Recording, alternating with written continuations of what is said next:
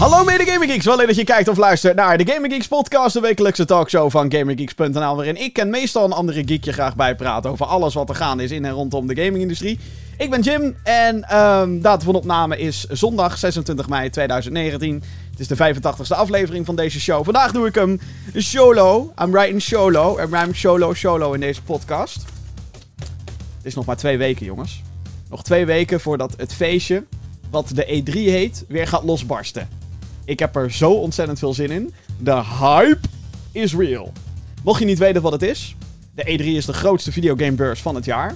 Elk jaar is dat altijd een moment waarop mensen, uh, of mensen, bedrijven, videogamebedrijven, meestal de grootste, hun aankondigingen doen. De nieuwe games, wat gaat er allemaal komen in de toekomst, waar gaan we ons zuurverdiende geld aan uitgeven. Dat is de E3 in een nutshell, daar gaan we het allemaal horen. Uh, vorige week heb ik uh, ook met mijn mede-geeks, die je allemaal kan vinden op gaminggeeks.nl, heb ik een, een uitgebreide vergadering gehad over wat wij gaan doen met de E3. Um, we hebben nog niet alle details bekendgemaakt. Maar wat ik hier wel heb, is um, zeg maar de resultaten van die vergadering. Met schemaatjes en heel veel aantekeningen met uh, wat moeten we wel of niet doen. Um, maar deze week gaan wij ons streamschema gaan wij bekendmaken op GamingGeeks.nl. Ik heb al heel, heel, veel zin in. We gaan alle persconferenties gaan wij streamen. Um, live commentaar, live analyses. Jij wordt erbij betrokken. We hebben ook nog wat uh, videogames om weg te geven. Dus dat is hartstikke leuk. Um, zet in ieder geval alvast in je agenda. Zondag 9 juni, dat is over twee weekjes, op het moment van opnemen. Uh, uh, zondag 9 juni om half acht. Dan gaat de eerste stream gaat dan live. En dan zijn we er op maandag uh, 10 juni zijn we er ook. En dinsdag 11 juni zijn we ook live.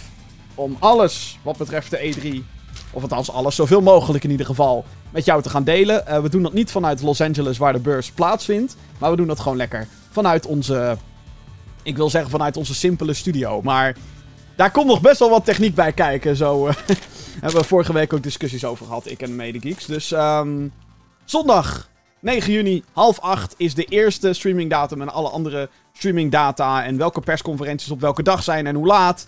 Dat kan je allemaal deze week vinden op gaminggeeks.nl. Ik moet alles nog op een, een rijtje zetten die iedereen kan snappen. En dan uh, zet ik dat dus op de website. Goed.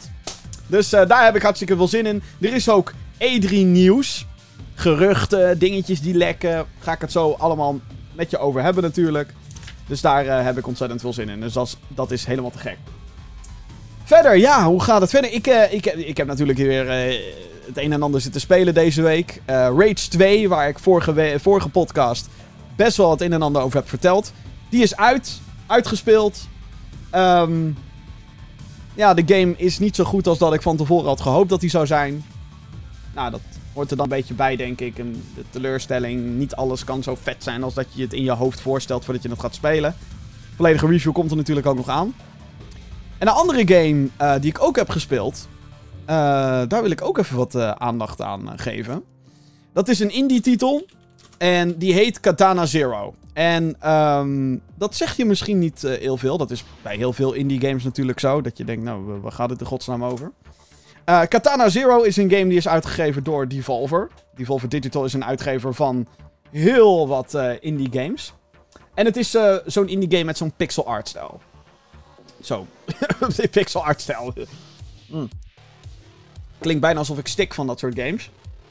Um, tuurlijk, er zijn heel veel games met een uh, pixel art stijl. Maar wat hier tof aan is, is um, uh, je speelt als een soort van samurai gast. En die um, heeft de mogelijkheid om dingen te voorspellen en dingen te zien. En dat is een beetje het thema. Hij is een, uh, een huurmoordenaar die um, ja, al, al staak heeft verschillende targets uit te schakelen. En wanneer je dat gaat doen, moet je dus door zo'n missie heen. Moet je gasten kapot hakken. En uh, soms ook dingen stiekem aanpakken.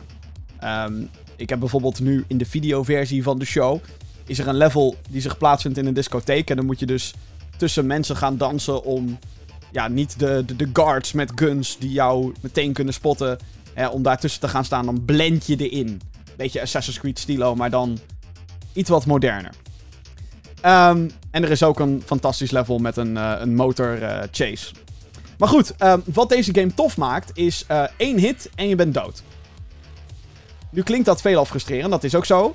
Uh, maar de levels of de checkpoints die zijn best wel kort. Dus het, uh, het is niet dat je 15 minuten hebt gespeeld en dat je dan alles overnieuw moet doen als je één keer geraakt wordt.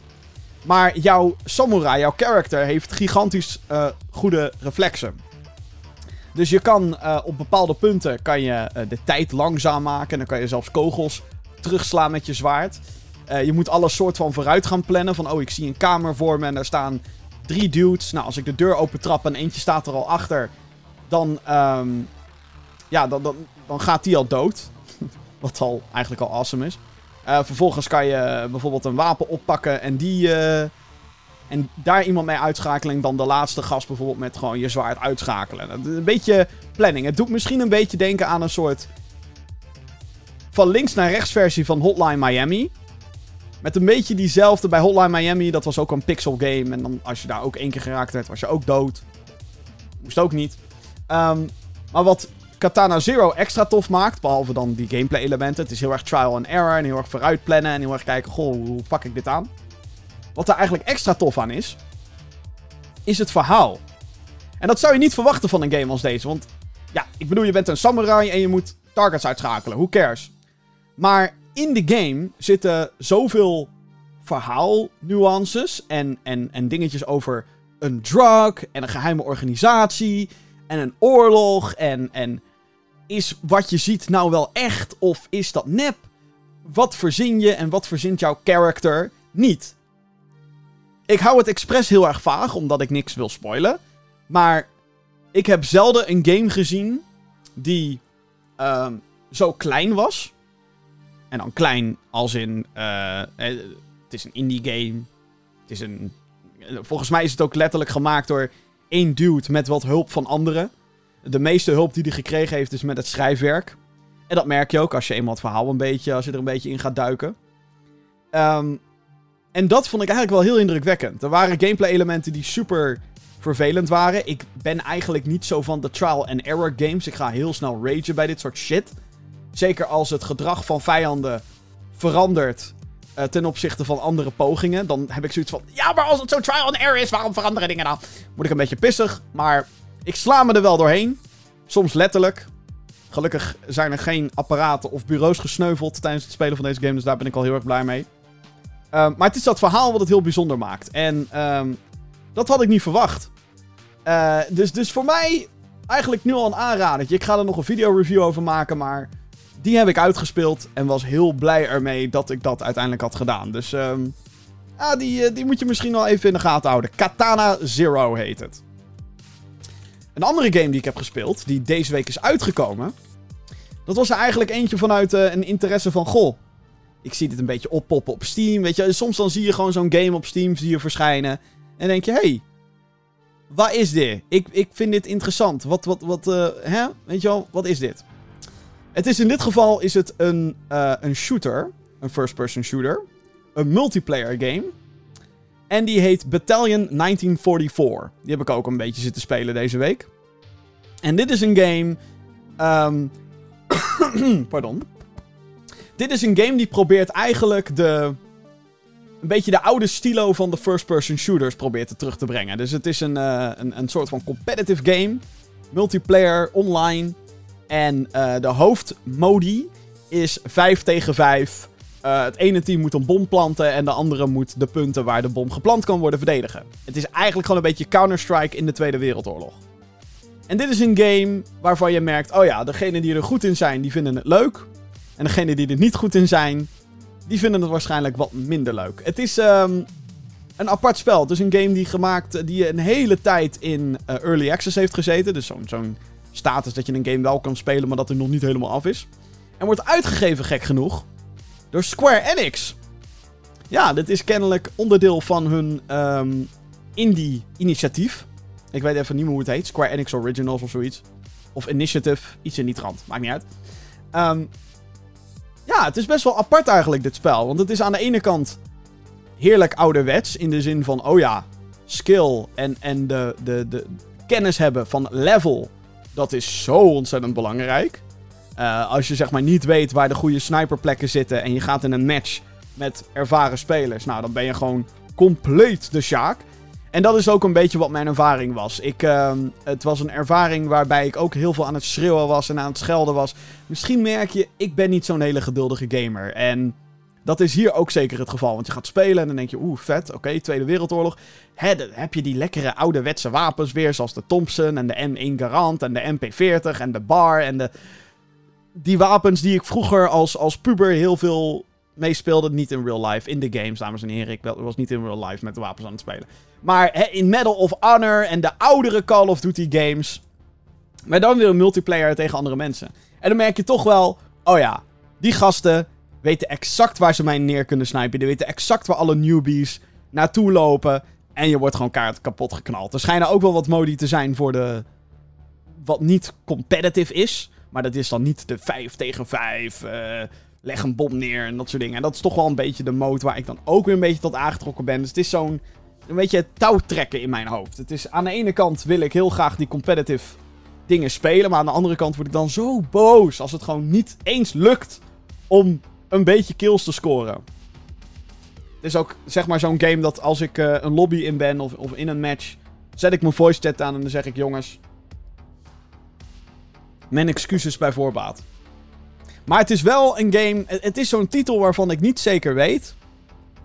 Of dit heel lang een leven gaat krijgen. Want het is een.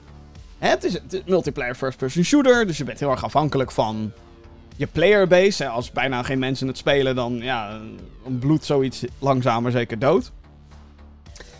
En ik zie het, aan de ene kant zie ik dit wel slagen, want het werkt op zich wel goed. Het is, uh, het is niet zo strak als Counter-Strike.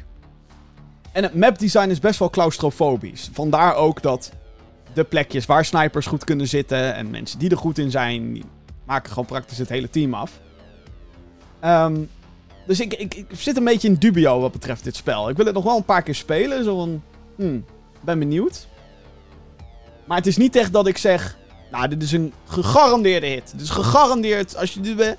Maar, ik zeg wel, als je een beetje, uh, zeker als je Counter-Strike fan bent. En je hebt zoiets van, ik zoek eigenlijk, hè, ik zoek Counter-Strike, maar dan met een ander tintje of zo. Nou, Battalion 1944 is dan misschien wel een mogelijkheid voor je. Maar daar wil ik nog wat meer in gaan duiken. Ik wil gewoon sowieso eens even kijken hoe ik nou sta in het hele spectrum van first-person shooters. Ben ik er überhaupt wel goed in? Ik denk dat het antwoord nee is. ik merk dat ook elk jaar met Call of Duty. Als ik een nieuwe Call of Duty ga spelen, is van oké jongens. Schone lei, nieuwe Call of Duty. Let's go. En dan vervolgens merk je, oh wacht. Het blijft wel Call of Duty. Dus dan word ik kapot geschoten tot en met. En dan heb ik een KD van 10, 30 of zo. En dan ben ik pissig. En dan wil het gewoon niet lukken. Ehm, en het probleem natuurlijk ook van dit soort games is. En dat, dat is ook een beetje het probleem. Ik, ik ben deze game natuurlijk gaan spelen. Battalion 1944 dan in dit geval. Um, terwijl die net uit Early Access komt. Er is dus al een hele periode geweest dat er een groep diehard spelers is. Die al continu gespeeld heeft. Dus daar zit al een groot verschil in tussen. maar ja, dat heb je met elke online game. Maar dat is ook een beetje ja, kan je nu nog normaal Call of Duty spelen, Black Ops 4, ehm, zonder dat uh, je helemaal kapot gemaakt wordt. Als je dan net begint met Call of Duty, kan dat nog. Waarschijnlijk, denk ik, weet ik niet. Of ik ben gewoon slecht, dat kan ook natuurlijk. Oké, zometeen ga ik het hebben over, uh, nou, Call of Duty. Uh, Call of Duty ga ik het over hebben, want we weten hoe de nieuwe Call of Duty gaat heten waarschijnlijk. En meer info over een Call of Duty game die nog steeds in ontwikkeling is. Die volgend jaar moet gaan verschijnen. En de schrijver van Game of Thrones die werkt aan een game. Hoe zit dat? En natuurlijk jouw vragen beantwoord. Uh, heb jij vragen voor de show overigens? Nou, dan heb ik goed nieuws voor je. Dan kan je naar podcast. Of nee, dan kan je naar. Dan kan je mailen. Dat is het. Naar podcast.gamergeeks.nl. Ik herhaal podcast.gamergeeks.nl als je vragen hebt voor de show. Of uh, kwesties of alles wat er tussenin ligt. Ik zou zeggen, mail dus. Podcast.gamergeeks.nl. Oké, nou, uh, ik had het aan het begin van de show had ik het er al even over. De E3 komt eraan. Wat zegt u? Jawel, de E3. Uh, ik heb er hartstikke veel zin in. En dat komt, dan, merk je zeg maar, de, de, de, hype begint op te borrelen. De, de, de, de geruchten komen er. Er zijn wat lekker her en der. Er is nieuws! Weet je, het gesprek van de week is E3. Voor de aankomende paar weken, denk ik ook. Sterker nog, hoeveel weken zijn we? Zijn we echt twee weken verwijderd, hè? Kijk even mijn... Ja, echt twee weken. Oh my god. Oh my god. Bij deze, volgende week, doen we de grote E3 voorspellingsshow. nu al zin in. Gaan we gewoon alles gaan we op tafel leggen. Wat denken we wat er gaat gebeuren? Wat, uh, waar gaat welke partij mee komen? Welke games kunnen we niet wachten om te zien? Maar goed. Voor nu even wat um, lekken en, en, en aankondigingen en geruchten die op het internet de ronde doen. Allereerst, um, Microsoft die heeft aangekondigd dat hun E3-persconferentie twee uur gaat duren. Of althans, zij hebben een slot voor twee uur gereserveerd. Dat is wat zij hebben aangekondigd. De conferentie van vorig jaar duurde een uur en drie kwartier. Volgens mij 104 minuten. Dus dat is dan. Ja, dat is dan 1 eh, uur en 44 minuten. Heb ik dat goed uitgerekend? Denk het wel. Uh, die van vorig jaar duurde dus uh, een uur en drie kwartier, even voor het gemak. Ik verwacht dat dit dit jaar wel een beetje hetzelfde gaat zijn. Ze hebben een slot gereserveerd voor twee uur. Um, maar ja, er zit natuurlijk altijd wat, wat, wat hoe noem je dat? Leeway. een beetje, je kan een beetje schommelen. Sommige dingen duren misschien wat langer, andere niet. Zo'n zo conferentie moet natuurlijk een beetje rekening houden met dat er wellicht het een en ander technisch fout kan gaan. Dus dat, dan vreet je weer minuten weg. Maar goed, uh, twee uur dus. Ben heel benieuwd. Microsoft gaat, denk ik, flink uitpakken. Zeker omdat Sony er niet is, een concurrent. PlayStation is er niet. Wat we sowieso gaan zien is Halo Infinite in de conferentie. Nou gaat er ook een gerucht over het internet dat die game eind 2020 gaat verschijnen. Ik weet niet of dat zo is.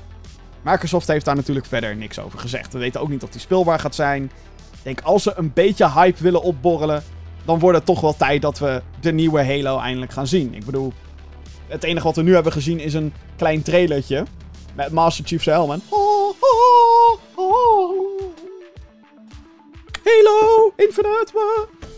Heel veel mensen dachten trouwens ook dat het een Battle Royale game ging worden, à la Fortnite en PUBG. Dat gaat uh, gelukkig niet gebeuren. Er was ook nieuws rond Cyberpunk 2077. Dat is de nieuwe game van CD Projekt Red. Die zijn bekend van The Witcher games. Um, die game gaat aanwezig zijn op E3. Dat zal denk ik niemand verbazen op dit moment. Geruchten melden dat de release date bekendgemaakt gaat worden op de E3. De game zal niet speelbaar zijn op de beurs. Dat heeft de ontwikkelaar wel bevestigd. Ja, Cyberpunk. Dit is zo'n game waar iedereen, iedereen kent het. Iedereen wil het spelen. Het is zo'n game van, oh my god, hype. Dat is Cyberpunk 2077. Ik heb die game wel gezien. En dat was vorig jaar op uh, Gamescom, was dat. Toen hadden ze een presentatie. Die presentatie of die gameplay is uh, later ook gewoon op internet uh, verschenen. Dus het is iets van 45 minuten aan beeldmateriaal. Kan je allemaal bekijken. Die game ziet er goed uit hoor. En dat hele cyberpunk setting, dat vind ik echt wel cool. Zeker als je daarin de vrijheid hebt, zeg maar. Oh, je hebt een stad en oh, kan je, ga je met die mensen samenwerken of ga je hun verraden? En, en ben je een good guy, ben je een bad guy? Dat zijn allemaal van die dingen die je zou kunnen bepalen. Uh, de combat, trouwens, de schietactie zag er ook goed uit in die game. En ik vind dat wel belangrijk, want een RPG kan nog zo diep zijn en nog zo tof. Maar voor mij, als de basis gameplay niet goed is, dan ben je mij best wel snel kwijt. Dus meer info over Cyberpunk. Dat ze het niet speelbaar hebben, dat baart sommige mensen zorgen. Um, ik vind het ergens logisch of zo. Want Cyber, als je kijkt naar de schaal die ze neer willen zetten met deze game. En hoe diep dat gaat en zo. Dan is een gameplay demo is dan bijna niet representatief voor wat je, wat je uiteindelijk gaat meemaken in dat spel. Aan de andere kant wil je natuurlijk wel, zeker pers, die wil gewoon weten. Hoe voelt het aan? Hè? Hoe voelt de game? Is dat goed? Is dat strak? Is, dat, is het zweverig? Is het. Hè? Dat, dat, dat willen we weten. Dat dat nu nog niet gaat gebeuren, dat is uh, jammer. Um, of we een release date gaan krijgen, dat kan ook. Maar of we ons vervolgens moeten vasthouden aan de release date is de grote vraag. Want eh, CD Projekt Red doet net zo lang over hun games als dat ze willen. Als iets nog niet klaar is, dan is het gewoon nog niet klaar. Ik voorspel zelf, als ik hierover een voorspelling moet doen, dan denk ik dat eind 2020 op zijn minst. Ik denk niet dat we die game gaan we niet dit jaar zien. Misschien zelfs maart 2021 of zo, weet je wel. Deze game is nog ver weg. Alleen ze willen ons wel een beetje warm blijven houden met uh, Cyberpunk. Vind ik niet erg. Ander E3-gerelateerd nieuws. THQ Nordic die gaat wellicht nieuwe games aankondigen op de E3. Um, in de Destroy All Humans en Darksiders franchises. Dat komt door een uitspraak in een recente aandeelhoudersvergadering van de, de uitgever. Waarbij de CEO teasde dat E3 the long-awaited return of a galactically beloved franchise En A New Vision of a Other Beloved Franchise gaat bevatten. En dat matcht dus wel een beetje met de franchises die genoemd zijn. Destroy All Humans is een third-person shooter waarin je als een alien speelt die de mensheid wil uitroeien. Het is heel erg sarcastisch en zit vol met humor. En uh, Darksiders is een hack-and-slash uh, franchise waarvan de, afgelopen, uh, waarvan de derde afgelopen jaar verscheen.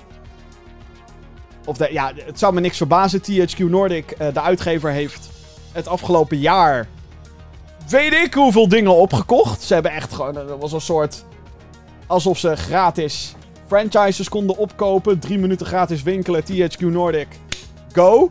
en die hebben echt van alles nog wat opgekocht. Nou, we hebben Alone in the Dark, we hebben Second Sight. We hebben. Weet ik. Ze hebben heel veel. Ik kan het allemaal even niet meer opnoemen. Maar degene waar ik het meeste zin in heb. Of waar ik het liefste iets van wil zien. Is timesplitters. Ze hebben ook timesplitters. Geef mij timesplitters. Of het de nieuwe is of niet, I don't care. Sterker nog, het liefste heb ik dat ze gewoon 1, 2 en 3 remasteren. Hup, pleur dat op, de, op PS4, Xbox One. Pleur dat op PC. Doe de multiplayer van Future Perf. Uh, ik weet niet of ze dat. Nou ja, whatever. Pleur de multiplayer erbij. Alle drie de singleplayer campaigns. En mijn 60 euro heb je al. Bij deze. Dan is het een soort van instant pre-order. Alhoewel digitaal heeft dat natuurlijk helemaal geen zin. Maar timesplitters. Die rechten hebben ze. Dat hebben ze met best wel veel bravoure toen ook aangekondigd. Van hé hey jongens, raad eens, wij hebben timesplitters. Iedereen, oh my god. Doe er wat mee, THQ Nordic. Dit is het moment. Wat natuurlijk helemaal ideaal zou zijn, is dat ze zeggen: Hé hey jongens, Timesplitters komt terug. We zijn bezig met Timesplitters 4. Iedereen, oh my god. Uh. En in de tussentijd, dit najaar, Timesplitters 1, 2, 3 remastered. Oh my god. Uh. Iedereen hype. Ik wel, althans. Ik heb er zin in. Een Reddit-gebruiker, uh, we gaan door naar een ander E3-dingetje. Een Reddit-gebruiker is opgevallen dat Fable 4 selecteerbaar is in streamingdienst Mixer. Die is van Microsoft trouwens, Xbox, Microsoft. Dit zou de theorie doen versterken dat een nieuw deel in de RPG-franchise aanstaande is. Fable is best wel een, eh, Xbox-naampje, zeg maar. Er zijn er nu drie van verschenen. Um, mijn journalistieke instinct, die zei... Journalistieke instinct, lol. Maar ik dacht in ieder geval van... Is dit wel echt? Want iedereen kan op Reddit een screenshot faken van... Oh ja, kijk, Fable 4 staat in Mixer, de streamingdienst van Microsoft, dus Xbox, oh my god. Dus ik heb even snel een Mixer-accountje aangemaakt. Lees, ik heb mijn bestaande Microsoft-account eraan gekoppeld. En als je daar dan inderdaad naar je streaming dashboard gaat en je tikt daarin welke game ga je streamen, Fable, dan krijg je zo'n drop-down dingetje. Kan je dus selecteren in een lijstje en daar staat dan Fable, Fable 2, Fable The Long Journey, uh, Fable, weet ik wat, wat allemaal, allemaal spin-off titels. En Fable 4 staat er inderdaad tussen. Het staat er. Ik denk dat Fable 4 er wel aankomt. En dat heeft nog meer redenen. Uh, want er gaan al lange geruchten over deze game. Playground Games, de Britse studio achter de Forza Horizon games... die zou namelijk werken aan een nieuwe Fable. Dat, dat, dat waren de geruchten. Vorig jaar werd die studio ook officieel overgekocht door Microsoft. Dus de studio waarvan het gerucht gaat dat zij een Fable gaan maken... is van Microsoft.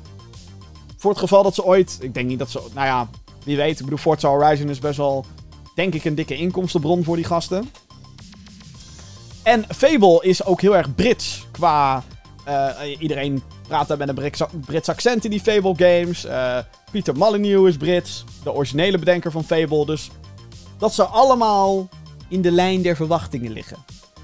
Persoonlijk heb ik niet heel veel met Fable. Als ik heel eerlijk ben.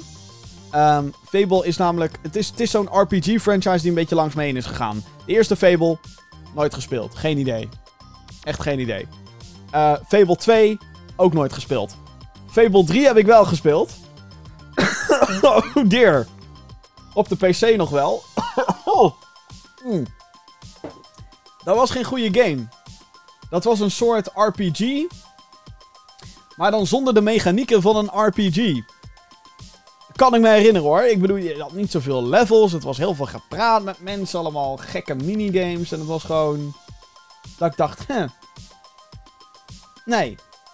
En als je ook een beetje op internet leest van... Goh, Fable 3, wat vinden mensen ervan? Heel veel mensen vinden het shit. Dus in die, die zin dacht ik, oké. nou, klopt dan wel. Maar goed, Fable 4 dus. Waarschijnlijk, hopelijk, Zou wel tijd worden. Het is ook wel zo'n franchise. ehm, zo'n Xbox-naam. Die Microsoft een keertje moet gaan gebruiken. Hallo, je hebt de naam Fable. Maak gewoon een goede game. Nou ja. Natuurlijk altijd makkelijker gezegd dan gedaan. Maak een goede game. En dan als laatste op het lijstje van E3 dingetjes. Er schijnt een Ubisoft game gelekt te zijn. Die ze dus willen gaan onthullen op de E3. De game heet Roller Champions. Of Roller Champions. L-O... Zo, R-O-L-L-E-R Champions. En het enige wat we tot dusver gezien hebben... is een kleurrijk logo en wat cover art en iets van wat lijkt op een circuit. Beelden van een circuit. Heel kleurrijk. Eh, de, game, eh, de game zou gaan om eh, skaten in combinatie met een sportbal. Eigenlijk een soort rugby, maar dan op, op skilers. Ubisoft heeft vorige week aangegeven tijdens een aandeelhoudersvergadering dat ze vier AAA-titels gaan uitbrengen voor maart 2020. Ghost Recon Breakpoint is daar er in ieder geval eentje van. Die verschijnt op 4 oktober. Vorige week hebben we het daar in de podcast over gehad. Wel, met welke games gaat Ubisoft komen? Gaan ze met iets nieuws komen? Wordt het Splinter Cell? Wordt het Watch Dogs? Wordt het Driver? Wordt het... Nou, Skull and Bones wordt het sowieso niet. Die game is uitgesteld. Die komt eh, na maart 2020. Dus ja, dit zou zomaar een goede kunnen zijn. En dan is natuurlijk ook de vraag: telt Ubisoft Just Dance als een AAA-titel? Want dan weten we ook zeker dat die gaat komen. Just Dance 2020. Ja, Roller Champions. Ehm, het zou wel weer wat zijn voor Ubisoft om iets totaal nieuws te doen. En iets wat we nog niet echt gezien hebben. Ehm, als ze dit proberen, dan kan dat wel eens op zijn gat gaan. Ik kan me nog heel goed herinneren dat ze een paar E3's geleden. eh, we merkten met z'n allen, oké, de, de, de soort van standaard Ubisoft games kwamen allemaal voorbij. En oké, was leuk, aardig. En toen kwam de One More Thing, zeg maar. Dat laatste ding. Ik weet niet eens meer welke E3 dit was. Dat was een aantal jaar geleden al. Maar dat was zo van, oh mijn god. De CEO van Ubisoft kwam op het podium. Yves Goulimont. Hello, hello, mijn naam is Yves Goulimont. En mijn français? Geen idee. Ehm, en wij, ik, ik kan me dat nog zo goed herinneren. Oh my god, dit is het jongens. Een nieuwe vette game. Wat gaat dit worden? De nieuwe Watch Dogs. Zeg maar een game met het kaliber van Watch Dogs. Het was Steep. Een snowboard game.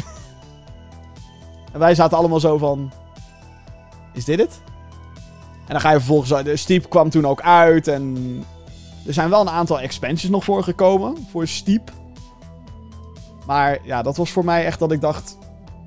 Ik, een snowboard game lijkt me leuk, maar maak, ik dan, maak het dan lekker over de top. Maak het lekker. Ik wil, eh, mensen willen zo graag een nieuwe SSX. Maak dat dan. En noem het Steep. Maar nee. Overigens heb ik die game van de week gratis geclaimd op, eh, op de Uplay Store op PC, Ubisoft Store. Schijnt te kunnen. Nooit echt interesse in gehad.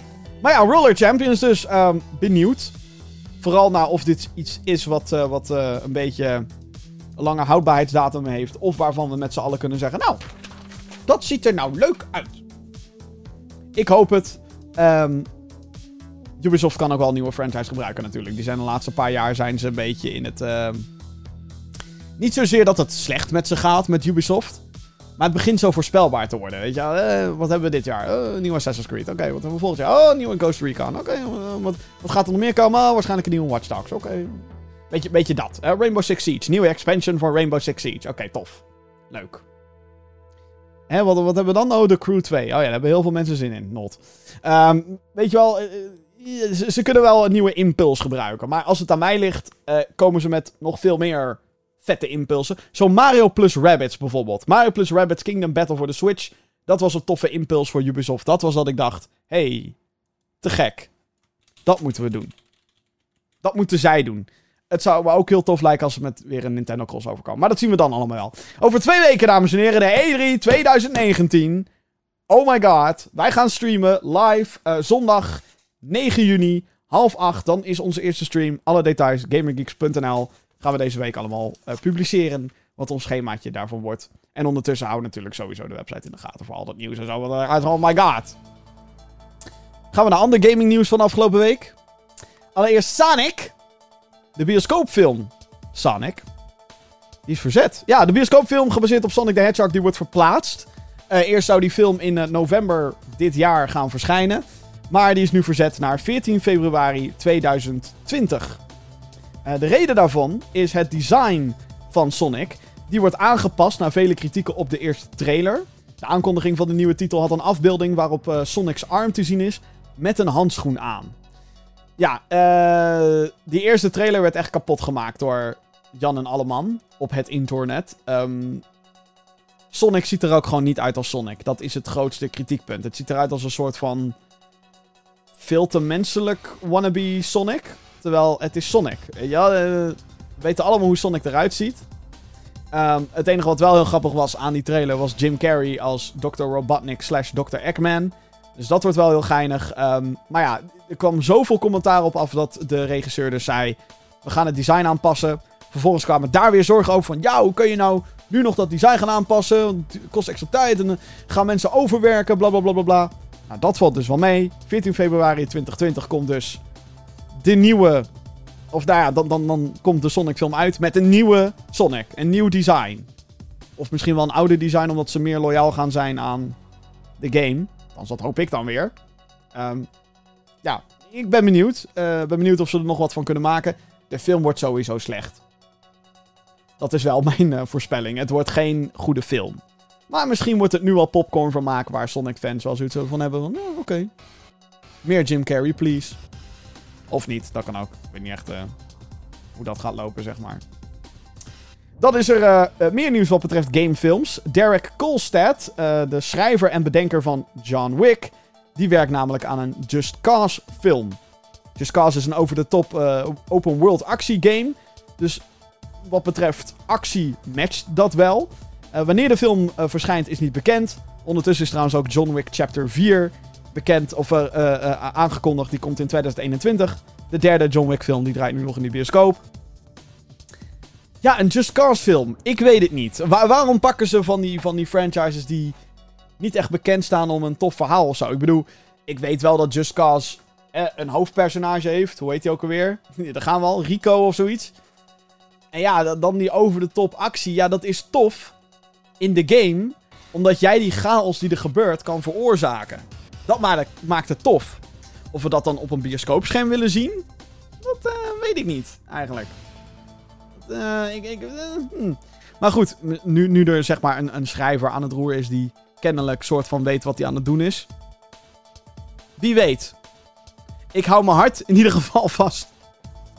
Nou, dat is ook wel overdreven, maar het, het is gewoon weer zo'n film dat ik denk, waarom wordt deze gemaakt?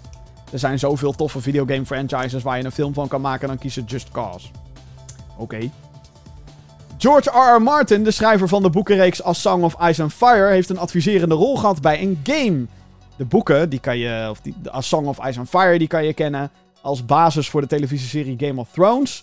Waar het achtste seizoen en het laatste seizoen inmiddels van is uitgezonden. Dat laatste seizoen was fucking kut. Vond, vind ik. Was gezegd Jim Voorwald.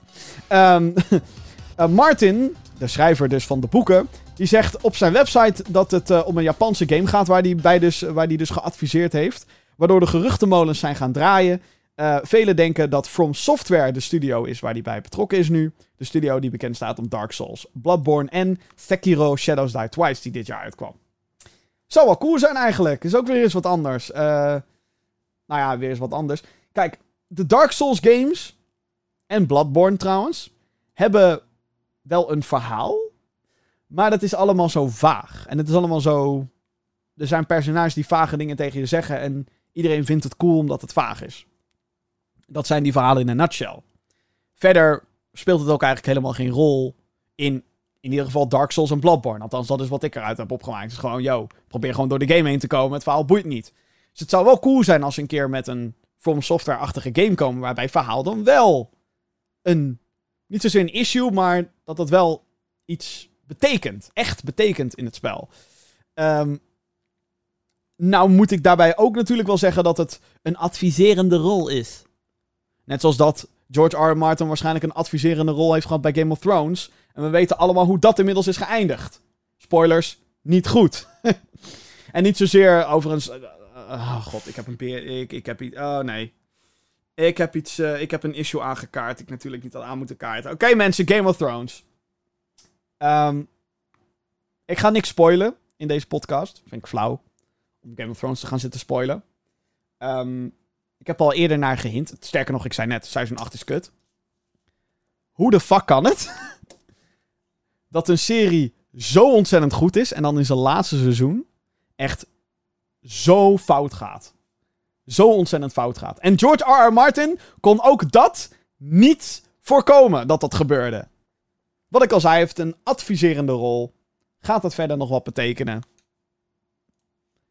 We zullen het zien. Ja, het is sowieso natuurlijk plus 100 voor marketing. Als je zegt, hey, George R. Martin is erbij betrokken. Dan, hey, ik praat er nu ook over. Dus. En ik weet nog niet eens wat het is. We weten nog niet eens van wie het is. We gaan even vanuit dat het From Software is. Maar voor hetzelfde geld is het Platinum Games. Of Nintendo. Oeh. Dat was een slim ezelsbruggetje. Nee, geintje. Was, nou, nou. Anyway, Nintendo. Nintendo nieuws.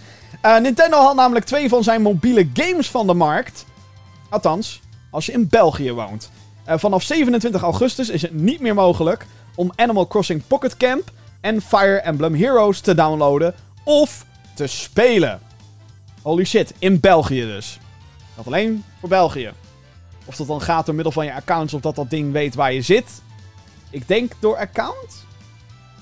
Oh wel, dit weet ik eigenlijk niet. Het is toch eerder accounts op uh, de Apple Store, App Store, whatever. En de Google Play Store zijn volgens mij op basis van regio. Denk ik. Dus als je dan een account hebt, dan heb je een Europees account. En geen Belgisch account? Vraagteken. Ik weet eigenlijk niet hoe dat werkt. Maar in ieder geval, in België is het vanaf 27 augustus niet meer speelbaar. Dit heeft te maken met de strenge regeling van onze zuiderburen. Uh, als het gaat om lootboxes.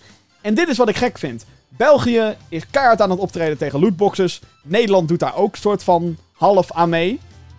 Waarschijnlijk omdat onze twee landen soort van hè, de Benelux. Hè, dat wordt een beetje samengezien. Um, zoals Rocket League lootboxes zijn die niet meer te krijgen. Um, sommige dingen zijn wel specifiek voor België. Zo zijn lootboxes in Overwatch en in Heroes of the Storm niet meer te koop in België. Dus dat is heel specifiek. Hier in Nederland kan dat nog wel. Um, maar wat ik dus zo gek vind aan dit verhaal beide games hebben geen lootboxes. Dat is niet wat ik weet. Uh, je kan daar wel punten kopen om dingetjes te kopen in de game. Characters in Fire Emblem en items in Animal Crossing. Maar dan weet je toch wat je haalt. Dus dan is het toch geen. Het is geen. Althans, dit is wat ik. Ik heb beide games niet gespeeld. Maar. Waarom zou je die hele game dan volledig afsluiten? Als je of lootboxes er alleen maar uit hoeft te slopen. Als je toch al weet ik hoeveel andere mechanieken hebt. Het is zo raar. Het is zo'n rare move. Zitten er lootboxes in die games? Volgens mij niet namelijk. Hè? Waarom zou Nintendo dit doen? Ik vind het heel, heel gek dat dit gebeurt. Heel gek. Misschien zijn ze nu iets te overprotective of zo. Ik vind het gek. Daarnaast, nog meer Nintendo mobiel nieuws. Zijn er beelden uitgekomen en informatie van Mario Kart Tour. Dat is een uh, mobiele, Mario, ja, uh, mobiele Mario Kart game. En um, ja, lang was ik daar een beetje zenuwachtig over. Dat ik denk, ja, weet je, ze gaan Mario Kart naar de telefoon brengen. Dat... Iedereen was toen hyped toen dat aangekondigd werd. Van, oh my god, Mario Kart op telefoon. We weten allemaal dat het een soort van... Ja, hele versimpelde versie gaat worden van Mario Kart. Alsnog, als je toch de pleuris verveelt. Hè, als je op de trein staat te wachten of wat dan ook. Waarom dan niet? Maar goed, er zijn dus beelden uitgekomen. En met die beelden dus ook informatie. En, en, en wat sowieso um, al vind ik frappant is, is dat je de game dus speelt in portrait mode. Dus je houdt je telefoon verticaal. Het schijnt net als met Super Mario Run zo te zijn dat je het met, bij wijze van met één vinger kan besturen. Het rijden gaat dan automatisch en dan moet je sturen met je vinger. Uh, waarschijnlijk moet je dan iets van tappen om items te gebruiken of zo. Um, Oké. En uh, er zijn nu grote zorgen over Mario Kart Tour. Omdat er dus pay-to-win mechanieken in zitten. Er zijn cards en personages die je kan unlocken. Sommige zijn natuurlijk sneller dan andere. Uh, en die kan je kopen. Met waarschijnlijk weer zo'n... zo'n, zo'n, ja, moet je dat zeggen? Zo'n currency Zo'n dingetje van, oh ja, uh, 1000 Mario Kart punten. En die kan je dan kopen voor 10 euro, bijvoorbeeld. Ik, uh, wat ik al zei. Mario Kart op mobiel, het klinkt geinig. Niet iets wat ik waarschijnlijk heel veel ga spelen. Ik vind ook qua beelden en zo, het ziet allemaal heel erg simplistisch uit. Wat nogmaals te voorspellen is, want nee, het is op een telefoon. Nintendo wil natuurlijk dat zoveel mogelijk telefoons dit kunnen afspelen. En deze game wordt natuurlijk vooral gebruikt als een soort van middel van... Hey, dit is een hele simpele Mario Kart. Wil je de echte Mario Kart ervaring? Koop een Switch! Met Mario Kart 8 Deluxe of misschien wel Mario Kart 9 als hij er ooit aankomt. Ik hoop van wel. Ehm, dus ja, dat er pay-to-win shit in zit, dat is natuurlijk minder fraai. Ehm, ja, ik, ik zou zeggen, maak er cosmetics van. Ehm, dus dat je bijvoorbeeld skins hebt voor je cards of stickers op je cards. Iets wat niet de gameplay beïnvloedt. Waarom er dan weer gameplay beïnvloedbare dingen zeg maar te unlocken, unlocken moet zijn met, met, met geld. Dat vind ik dan weer zo... Het is zo greedy. Maar ja, dit is wel een beetje wat mobile gaming tegenwoordig is natuurlijk. Uh, je betaalt geen drol voor de... Je betaalt letterlijk niks voor de applicatie. En vervolgens moeten ze hun inkomsten ergens anders vandaan halen. Ik was er veel meer voor geweest als ze, net zoals Super Mario Run, gewoon zoiets hadden van... Hé, hey, er is een soort van trial versie. En je kan bijvoorbeeld twee circuits rijden. Je kan alleen met Toad. Nou, dat wil je niet. en um, wil je de hele ervaring, dan moet je 10 euro neerleggen. 10 euro is heel veel voor een mobile game, maar ik heb zeg maar liever dat dan free-to-play, pay-to-win bullshit. Dus ik ben nu al zeg maar, als ik al ergens een sprankje van enthousiasme had voor deze game, dan is dat bij mij nu ook verdwenen. I don't care, is een beetje mijn, uh, mijn perikel op dit moment. En het is zonde, want het is Mario Kart, weet je al. Mario Kart op je telefoon. Dit is iets wat. Ja, ook in deze vorm gaat het waarschijnlijk miljarden opleveren voor Nintendo. Alhoewel, weet ik niet. Hun vorige mobiele games zijn gewoon niet zo succesvol. En ik weet dat heel veel mensen dan Pokémon Go aangaan. Wijzen van, kijk, Pokémon Go. Maar dat is de Pokémon Company, dus dat ligt dan weer net wat anders. Super Mario Run, daar hoor je echt helemaal niemand meer over. Dat was ook heel geinig voor een paar minuten. Nou, Fire Emblem Heroes. Nooit iemand wat over gehoord. En die Animal Crossing, dat was toen twee weken een hype. En daarna niemand. Hoorde ik niemand er meer over. En er was nog zo'n uh, zo'n mobiele app van Nintendo, Miitomo of zo. Dat is volgens mij ook inmiddels dicht. Mm. Misschien moeten ze het ook gewoon lekker bij een Switch games laten. Maar goed, aan de andere kant, die mobiele games worden volgens mij ook niet eens gemaakt door uh, Nintendo zelf. Die worden gemaakt door een extern bedrijf. Dus heb je al die dingen alweer. Dan uh, Call of Duty. Ja, ja, ja, ja, ja. Eh, de website Kotaku heeft gemeld dat Call of Duty voor volgend jaar, we hebben het dus nu over 2020, die gaat niet ontwikkeld worden door Sledgehammer Games en Raven Software. Zoals het nu werkt, uh, er zijn drie studio's die continu Call of Duty games maken. En om het jaar is er dus een andere studio, als het ware, aan de beurt om een nieuwe Call of Duty uit te brengen. Dus uh, vorig jaar was Treyarch met Call of Duty Black Ops 4 en dan alle content en DLC die daarbij gepaard gaat natuurlijk. Um, dit jaar komt Infinity Ward met een nieuwe. En dan volgend jaar zou dan de studio achter Advanced Warfare en World War II... Uh, uh, ja, die zou dan volgend jaar moeten komen met een nieuwe Call of Duty. Maar volgens Kotaku gaat dit dus niet gebeuren. Omdat Activision, de uitgever, kennelijk niet tevreden is over hoe dat project op dit moment verloopt. Um, het gevolg zou zijn dat Treyarch die dus vorig jaar Call of Duty Black Ops 4 heeft gemaakt. Volgend jaar alweer met een nieuwe Call of Duty gaat komen. Uh, dit zou dan uh, Call, uh, Black Ops 5 gaan worden. Met een singleplayer campaign. Nu is vooral de codenaam Call of Duty 2020. Um, het zou dan ook als gevolg hebben meteen dat er heel veel haast achter het project zit. En dat baart mij dan weer zorgen. Krijgen we dan weer een afgeraffelde Call of Duty met nog meer herbruikte shit als die we normaal krijgen? Oei, oei, oei. Um, het is niet officieel bevestigd, dit allemaal. Alleen wanneer Kotaku zegt: dit is waar, dan wil ik het vaak wel geloven. Want Kotaku is een van de weinige websites die daadwerkelijk aan journalistiek doet. Um, en die hebben ook een paar best wel break breaking news stories um, naar buiten gebracht. En dat bleek allemaal ook te zijn. Ook allemaal uh, info die ze naar buiten bracht over allerlei games die dan achteraf worden aangekondigd. Oh, hey, Kotaku had dat allemaal. Dus ik vertrouw dat wel of zo. En het is. Um, het zou zonde zijn als dit gebeurt. Vooral ook omdat er dan een cyclus doorbroken wordt. Um, en dat je dan een andere studio moet gaan laten haasten om iets af te raffelen. Dat kan nooit goed zijn. Ook niet voor een franchise zoals Call of Duty die uh, ja, eigenlijk soort van invincible is als het gaat om populariteit en, en opbrengst, vooral. Ehm, die serie blijft gewoon heel erg populair. Maar er is dus meer. Want de nieuwe Call of Duty voor dit jaar schijnt een naam te hebben. En het gaat heten, dames en heren, zet u schrap. Call of Duty Modern Warfare. Het zou daarmee een reboot zijn van de subreeks. Op 30 mei zou de game worden onthuld. Eurogamer en Kotaku hebben beide bevestigd dat het gaat gebeuren. Want zij hebben dan inside bronnen die dat bevestigen. Dames en heren.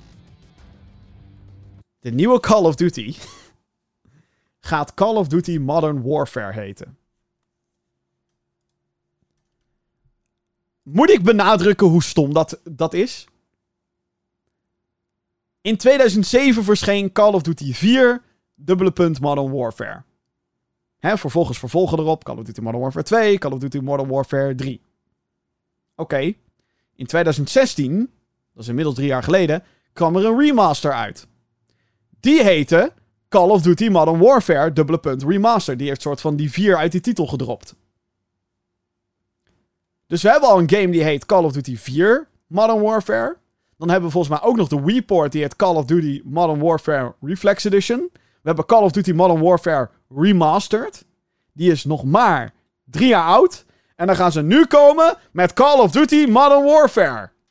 Geen remake, een reboot. Waarom? Hou op! Mensen, lieve uitgevers van videogames, hou op fucking games te noemen naar games die al bestaan. Letterlijk. Als het een volledige remake of reboot is. Nou, sterker nog, als het een remake is van een eerder deel, snap ik het nog. Hè, Ratchet Clank 2016, dat is een remake van de eerste game. Dan heb ik zoiets van. Oké. Oké. Ik snap het ergens nog wel. Maar dan heb je games die een compleet andere kant op gaan. Of een compleet ander verhaal hebben. Of nog erger, gewoon een vervolg zijn op. En dan krijgen ze dezelfde naam. Tomb Raider en Tomb Raider 2013. Prince of Persia en Prince of Persia 2008. God of War en God of War. Ik vind God of War PlayStation 4 een fantastische game. Echt waar, geweldige game. Maar die naam is bullshit. Het had gewoon een subtitel moeten hebben. Gewoon een subtitel. En hoe dan? Geen idee. Rise of Artreus of zo. Dead of War. Boy. Als subtitel. I don't care.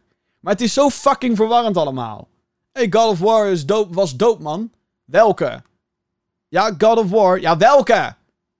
Uh, op de PlayStation 2? Ja, what the fuck? Zeg dan God of War 1. Ja, pff, what the fuck? Waarom heet God of War 2018 niet gewoon God of War 4? Maar, ja, ja, maar we willen ons distancieren van die oude serie, want het is heel anders. Blee. Fucking hell. Het is zo frustrerend. Het is zo frustrerend. Spider-Man! Dit is een fucking game die heet Spider-Man uit 2001. Er is een game die heet Spider-Man uit 2002. Die was gebaseerd op de film. En hebben we nu in 2018 hadden we Spider-Man op de PlayStation 4. Het is zo verwarrend. Hou op!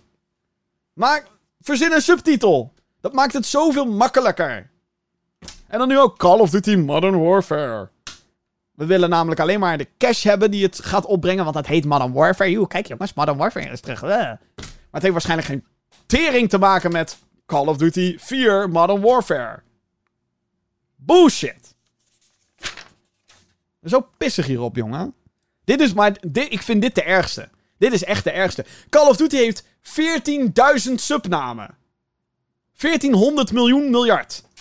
Call of Duty 1, 2, 3. Oké, allemaal Tweede Wereldoorlog. Call of Duty 4, Modern Warfare. Oké, dat snap ik. Hoe gaan ze de volgende noemen? World at War. Oké, dat is weer Tweede Wereldoorlog. Modern Warfare 2, Modern Warfare 3. Black Ops 1, 2, 3, 4. Die, alsof ze dan volgend jaar ineens gaan komen met Call of Duty Black Ops.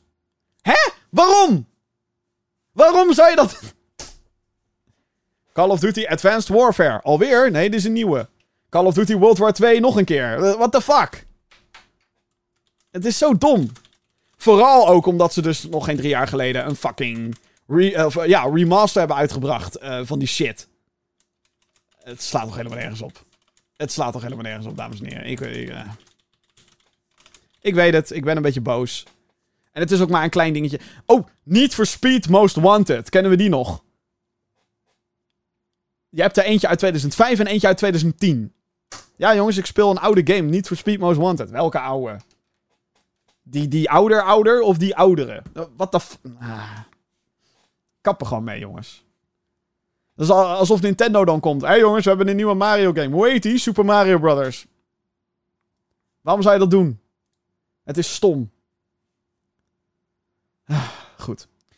Sorry, ik, uh, even een rant momentje in deze show. Kan er echt niet tegen. Laten we snel naar de mail gaan. Podcast.gaminggeeks.nl, dat is het mailadres waar jij uh, al je vragen, dan wel commentaar of alles wat er tussenin ligt. Uh, ik, hoor, ik hoor het graag van je. Mail. Podcast.gaminggeeks.nl. De hele week is die mailbox open. Ik merk het aan mijn stem. Ik ben te veel aan het ragen en te veel aan het lullen. Even een slokje.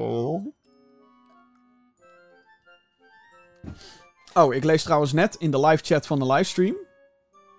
De live chat van de livestream. Goed bezig, Jim. Um, in Animal Crossing en, uh, en, en Fire Emblem zitten wel lootboxes. Oh. Waarom halen ze die er dan niet uit? En laten ze die games online? Of is dat mijn... Uh, is dat mijn dingetje? Nou goed. Vragen. Podcast.gaminggeeks.nl Beste Gaminggeeks. Is het misschien een ideetje om games opnieuw te reviewen als ze na de launch een grote update hebben gekregen? Neem bijvoorbeeld No Man's Sky, Star Wars Battlefront 2 en Sea of Thieves. En zo ja, welke games zouden jullie dan wel opnieuw willen reviewen? Om wat extra publiciteit aan de game te geven of omdat je er zelf meer over wil weten? Met goed, Rafael. Dat idee heeft natuurlijk vaker bij de Gamer Geeks. Dat zit ook bij mij best wel vaak. Dat ik denk, goh, zal ik gewoon weer eens een video maken over whatever. Ik heb bijvoorbeeld, um, nou dit was een jaar geleden denk ik, had ik de Division opnieuw opgepakt. Zo van, nou ik ben wel benieuwd hoe het nu eigenlijk met die game is. Fantastisch. Veel beter dan launch. Um, en natuurlijk is het zo dat een review altijd een momentopname is. Zeker in de hedendaagse cultuur van videogames. Met patches en al dat soort leuk. Um, games veranderen continu. Of het nou singleplayer games zijn of multiplayer games. Het probleem voor mij, persoonlijk, om dit soort video's te maken is... Er zijn niet heel veel games waar ik naar terug ga. Er zijn echt maar heel weinig games die ik continu blijf spelen. Um, er is maar één voorbeeld op dit moment. En dat is Heroes of the Storm. Die speel ik echt ontzettend veel. Echt al jaren. Nou weet ik ook dat niet heel veel mensen die game boeit. Dus dan ga ik jullie ook niet kapot maken met allemaal video's erover.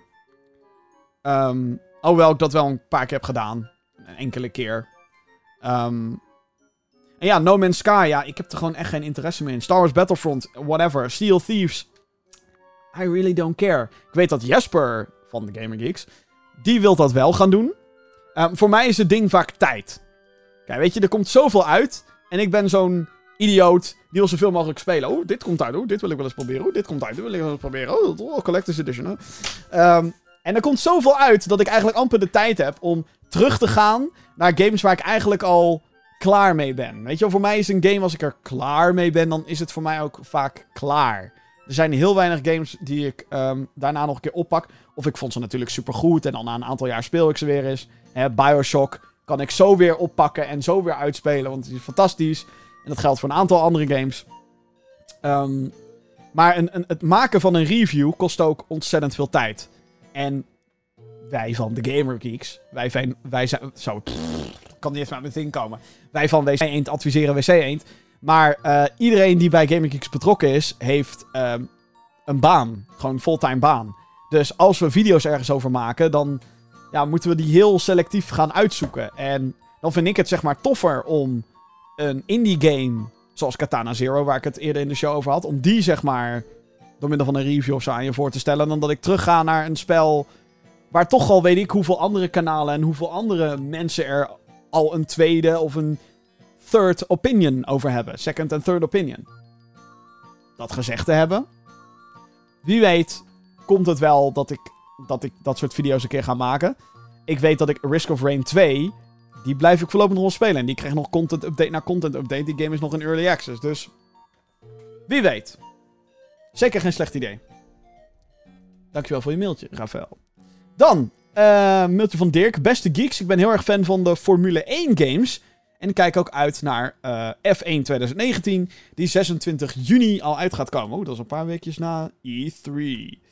Um, ook heb ik al gameplay gezien en de graphics zijn fantastisch. Mijn vraag uh, was, wat vinden jullie van de F1 games? Ga ze door met de podcast. Ik luister elke week weer met veel plezier. Dankjewel Dirk. Um, ik heb de trailer gezien. Ik vind het eigenlijk niet zo spectaculair uitzien. Ik bedoel, het ziet er prima uit, maar niet dat ik zeg, holy shit. Um, maar ja, het ziet er prima uit. Ik ben niet van de Formule 1. Het boeit mij helemaal niks. Ik vind het saai. Ik vind, er, ik vind het ook geen sport. Ja, maar het is autosport. Oké, whatever. Um, uh, heel leuk dat het naar Nederland komt overigens hoor. En uh, Max Verstappen, allemaal hartstikke leuk. Uh, maar het boeit mij gewoon niet zoveel. En ja, als, als dit mij niet zo heel veel boeit, dan... Ja, dan, dan gaat ook natuurlijk de interesse voor de game daarachter gaat dan een beetje weg. Um, het is te veel simulatie voor mij ook. Als, als ik zeg maar een Formule 1 game wil proberen, dan wil ik er eentje met loopings en gekke turbo boosts. Oftewel Trackmania. dat is mijn uh, Formule 1 game. Het, boeit mij niet zo erg. Um, eerlijk gezegd. Ja. Dus dat.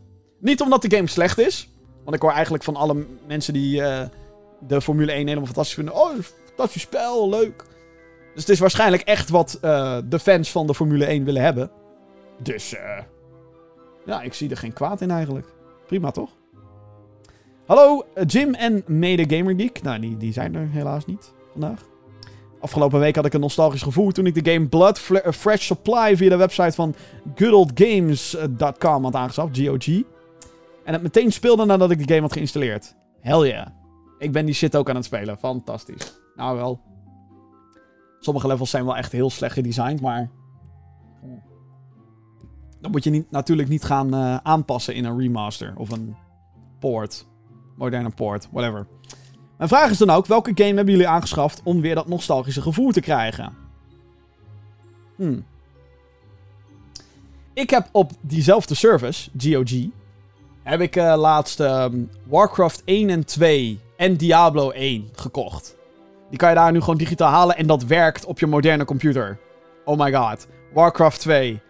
Oh, wat was toch fijn om die ouderwetse MIDI-deuntjes weer te horen. En die... die Hello. Oké, job's done. Yes, my lord. Dat soort shit. Fantastisch. Warcraft 2 heb ik laatst weer gehaald. Puur en alleen. Ik voel me weer een kleine Jimmy die nog helemaal geen 0,0 verstand heeft van strategy games. Ik wil al die boompjes omgehakt hebben. Ik, wil, ik weet dat ik een basis kan vernietigen met vijf grunts en een, en een, en een troll. Maar ik stuur er fucking 30 op af. Ook al duurt dat een half uur. I don't care. Dat was een beetje, een beetje de nieuwe Warcraft 2 speel. Niet effectief noemen we dat. En de volgende vraag is vanwege een term die bijna niet meer wordt gebruikt. Gameverslaving. Dat is niet waar trouwens. Volgens mij was er laatst nog een, uh, een, een uh, programma van Ewoud. Zeg maar zo'n documentaire programmamaker van RTL 5. Die had, over, had er eentje over extreme gameverslaving. Niet, niet gezien overigens, dus ik kan daar verder ook niet over oordelen. Sorry. Wat verstaan jullie onder de term gameverslaving? Ik zelf dacht aan, vanaf het moment dat je opgaat, opstaat, gaat gamen, totdat je moe wordt en dan meteen weer naar bed. En dat elke dag hetzelfde traject doorlopen. Alles verwaarlozen, contacten eten enzovoort. Groeten van Emiel. Kijk, om gameverslaving in een term te gooien. Het is eigenlijk heel simpel wat is de officiële term van verslaving? En als dat slaat op iemand met games, dan is dat automatisch een gameverslaving. Dus ja, ik ben hier zeg maar op, uh, op uh, de officiële website voor uh, psychische problemen, zeg maar. En daar staat dan een pagina, wat is verslaving? Nou, wanneer heb je verslaving? Bla bla bla bla bla. Wat is verslaving? Je spreekt van verslaving als je. Hier komen een paar punten. Niet meer zonder een middel kunt, lichamelijk of psychisch steeds meer nodig hebt van een bepaald middel om hetzelfde effect te bereiken. Nou, dat is dan. Ik weet niet of ik het daarmee eens ben. Kut, ik spreek mezelf nu heel erg tegen, maar. Aan de andere kant snap ik het wel. Ontwenningsverschijnselen krijgt als je niet gebruikt of niet doet. Dit kunnen lichamelijke verschijnselen zijn, zoals uh, zweten of trillen. Of geestelijke verschijnselen, zoals onrustig zijn of in paniek raken als je het middel niet gebruikt. meer van de helft van de dag bezig bent met het gebruik door over na te denken, het te verkrijgen of daadwerkelijk te gebruiken. Nou, als we alleen die laatste pakken, dan ben ik ook verslaafd, want ik werk ook in de videogame-industrie. Maar als je deze vier dingen pakt, um, dus je kan echt, echt niet zonder, en je wordt helemaal paranoia als je niet aan het gamen bent, en dat soort shit, dat is wat ik hieruit opmaak, dan heb je te maken met een gameverslaving. Dus ja, um, kijk, voor iedereen is gameverslaving... Eh, de term wordt heel vaak rondgegooid van... Oh, je speelt vier achter elkaar Call of Duty. Je bent een gameverslaafde. Is natuurlijk bullshit. als ik... Ik kan elke dag videogames spelen. Dat maakt mij niet per definitie verslaafd, want ik kan ook prima een dag zonder. Het is wel dat ik na, als ik een paar dagen niet heb gegamed, dat ik dan maar achter mijn computer zit, dat ik denk, oh ja, ik heb een paar dagen niet gespeeld. Holy shit, weet je wel. Dat is dan wel uh, in die zin onwennig, maar het is niet zo dat ik eraan onderdoor ga. Het is niet zo dat ik denk, ah, videogames. Ah. En sterker nog, um, ik denk dat dat ook heel belangrijk is als vrienden zeggen, joh, zullen we vanavond John Wick 3 gaan kijken? Zeg ik, hell yeah, let's watch John Wick 3. Als ik dan zeg maar zou zeggen, nee, ik moet uh, een leveltje uitspelen in, uh, in Blood of in, uh, in, in Hawaii. Of ik moet deze kant nog uitspelen, of ja, dan pak jullie. Dan, um, ja, dan, dan mag ik toch hopen dat als ik dat iets te vaak doe, dat zij zich ook zorgen gaan maken. Maar ik denk dat je daarin moet zoeken. En nogmaals, de term verslaving is in die zin heel anders voor, voor heel veel mensen. Heel veel mensen zullen mij waarschijnlijk ook gameverslaafd noemen. Want ik speel praktisch elke dag videogames. Maakt mij dat dan verslaafd? Ik vind zelf van niet. Ik vind niet dat ik een probleem heb. Dus. Maar als we hier dus naar gaan kijken naar de officiële term. Van wat verslaving is in zijn algemeenheid. En je past dat toe op games. Dan denk ik dat dat wel de. Hè? Dit zijn de. de, de, de hoe noem je dat? dit is de definitie. Niet meer er zonder kunnen het steeds meer nodig hebben ervan. Dus inderdaad, als je op een gegeven moment op het punt bent dat je alleen maar dat kan doen. En dat als je er weg bent van je game, dat je dan denkt: Oh, mijn game. Dan, ja, dan, heb je een probleem, lijkt me. En dan moet je hulp gaan zoeken. Dus ja. Uh, even kijken. Uh, dit, dat mailtje komt trouwens van Emiel, dankjewel. Nostalgie en verslaving. Het is een beetje een combinatie die heel gevaarlijk uh, is in één mailtje. Vind ik dan. Even kijken. Daniel die heeft gemeld. Beste Jim, denk je dat The Last of Us 2 dit jaar nog gaat verschijnen? Oei. Ik denk het niet. Um, Sony heeft al een paar titels gepland staan voor eind dit jaar. Medieval en Concrete Genie. Nou zijn dat twee games die ook al zou Last of Us Part 2 op dezelfde dag verschijnen, die twee hebben toch best wel een eigen doelgroep. Uh, ik las ook van de week dat Medieval Remastered, of Medieval Remastered, whatever. Um, die is maar 30 euro. Dus dat geeft echt al heel erg weer. Oké, dit is een budgettitel, dit is leuk voor eventjes. En weet je wel, dit nee. Het zou kunnen. Het zou kunnen. Ik weet wel dat Sony liever heeft dat hun game echt een apart. Dat dat de happening is op dat moment. Dat dat het enige is wat er gebeurt. Daarom zijn bijna al hun grote PlayStation 4 titels van deze generatie zijn bijna allemaal in maart, april, mei zijn ze verschenen. Uncharted 4, Bloodborne, Horizon Zero Dawn, Detroit Become Human, God of War en Days Gone. Allemaal zijn ze verschenen in maanden, niet het najaar, zeg maar. niet het einde van het jaar. Altijd maart, april, mei, soms februari. Altijd dat. Uh, de enige uitzondering op de regel is Spider-Man. Die kwam in september. Vind ik ook logisch, want het is Spider-Man. fucking Spider-Man. Hallo. Um, dus misschien zou die uitzondering... Het zou kunnen dat dat The Last of Us Part 2 is. Ik denk dat je eerder moet uh, uitgaan van maart 2020. Of april 2020, whatever. Um, al is het alleen maar om teleurstelling voor dit jaar te voorkomen. Maar aan de andere kant, er komen zoveel fucking veel videogames uit. Dat zal geen probleem worden, denk ik. Ik denk niet dat je je gaat vervelen op je PlayStation.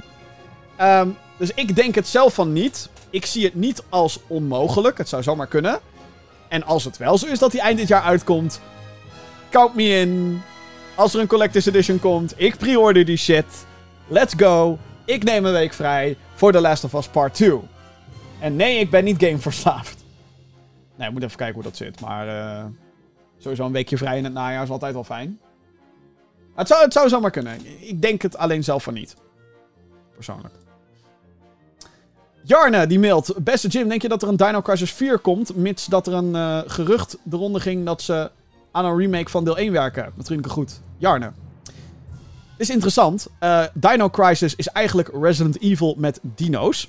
Met name op de PlayStation 1. Um, ehm, en Capcom heeft volgens mij deze week ook ergens aangegeven dat ze aan meer games werken op de RE Engine. En de RE Engine is de engine die gebruikt is bij Resident Evil 7. 60 frames per seconde op consoles. Dikke duim omhoog, ziet er fantastisch uit. Dikke duim omhoog. Resident Evil 2 draait erop, ziet er fantastisch uit. Devil May Cry 5 draait erop, ziet er fantastisch uit. Capcom is veel, zich veel meer bewust aan het worden van... hey, we hebben toffe franchises. We moeten wat met die fucking toffe franchises doen. Resident Evil remake en sequels die, die mensen tof vinden. Monster Hunter is helemaal terug, zeg maar. Mensen vinden dat helemaal fantastisch. Persoonlijk niet mijn ding, maar whatever.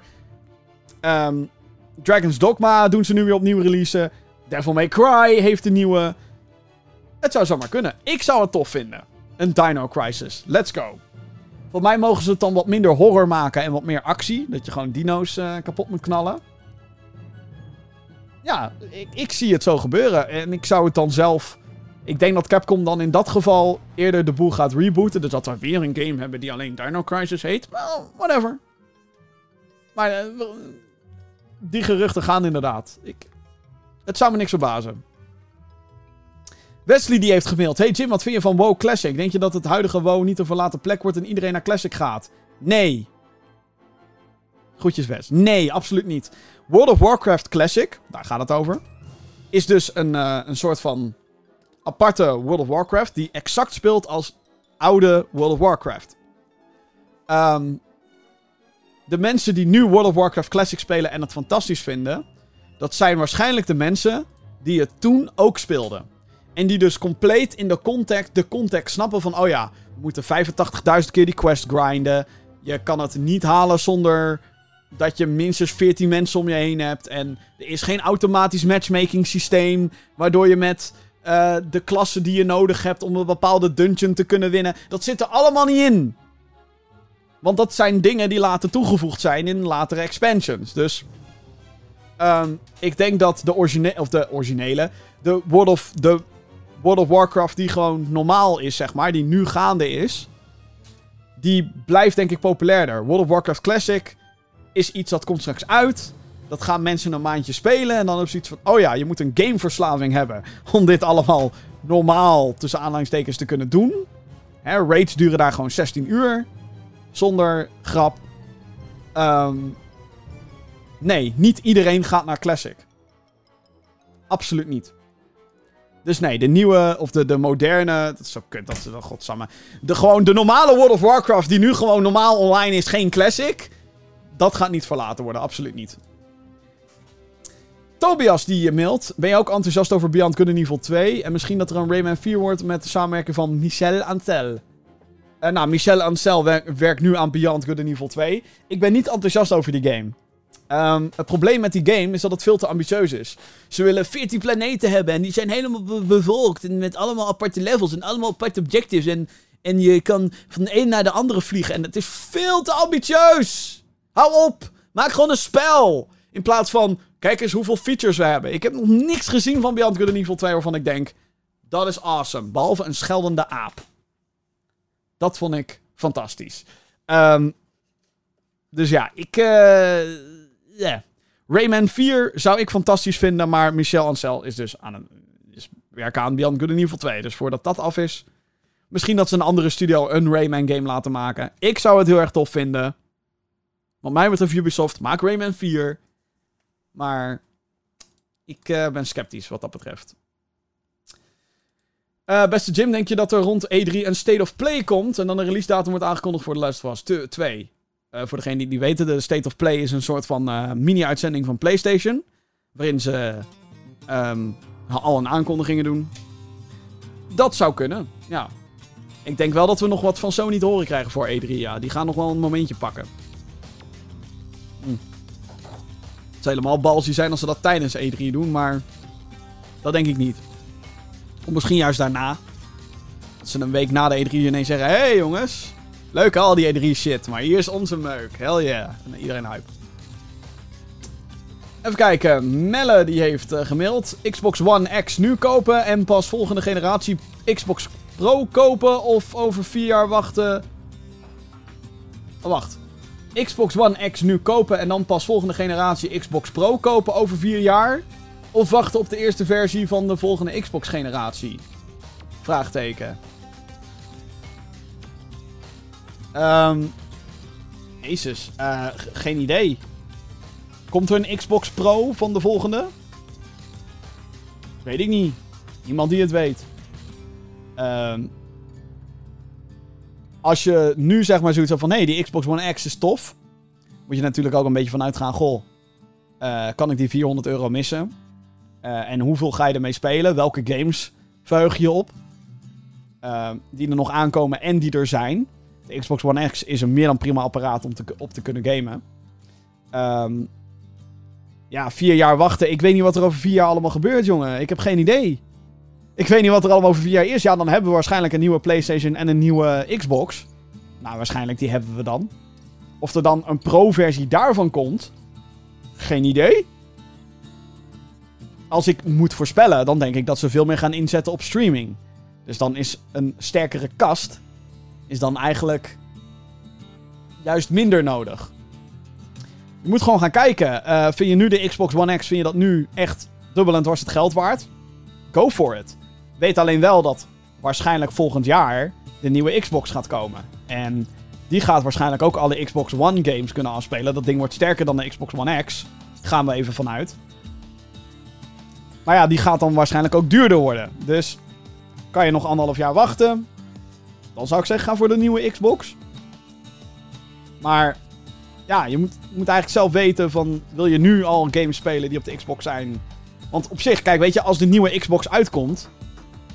Dan is het niet zo dat je Xbox One X, die je dan nu zou, in theorie zou kopen... Dat die dan ineens niet meer werkt of zo. Dat ding werkt nog gewoon. En er komen nog heel veel games uit die dan op de Xbox One X ook nog speelbaar zullen zijn. Dus hoef je niet in één keer... Weet je al? Dus ja, de keuze is reuze. De keuze is aan jou ook. Um, ik, ik heb altijd zoiets van, als je gewoon de neiging hebt van... Ik heb het geld, ik kan het missen. Ik wil heel graag deze, deze, deze, deze, deze en deze games spelen nu op de Xbox One. Haal een Xbox One, weet je al? En dan maakt het in die zin eigenlijk niet eens uit welke versie. Behalve dat je niet de Xbox One SAT moet nemen, de All Digital Edition. Dat ding is kut. Niet doen. Want het is gewoon een Xbox One S, maar dan zonder Blu-ray drive. Waarom zou je dat willen? Dus dat, dat is een beetje mijn advies. Hè hè. Dus uh, dat. Dat waren een beetje de mailtjes. Jeetje, dat waren veel mailtjes. Dankjewel allemaal. Um, als je ook vragen hebt voor deze show. Of naar de volgende afleveringen van deze show. Mail podcast.gamergeeks.nl Dan komt dat allemaal terecht. En dan uh, ga ik ze behandelen in deze show. Goed. En daarmee ben ik aan het einde gekomen van... Uh, bijna aan het einde gekomen van deze aflevering van de Gaming Geeks podcast. Maar niet voordat ik je heb verteld dat je naar gaminggeeks.nl moet gaan. Want daar komt, het deze week, uh, daar komt deze week weer het een en ander op te staan. Gaminggeeks.nl dus. Uh, want naast deze podcast doen we ook andere videocontent. Ik zou het heel tof vinden als je daar ook naar gaat kijken.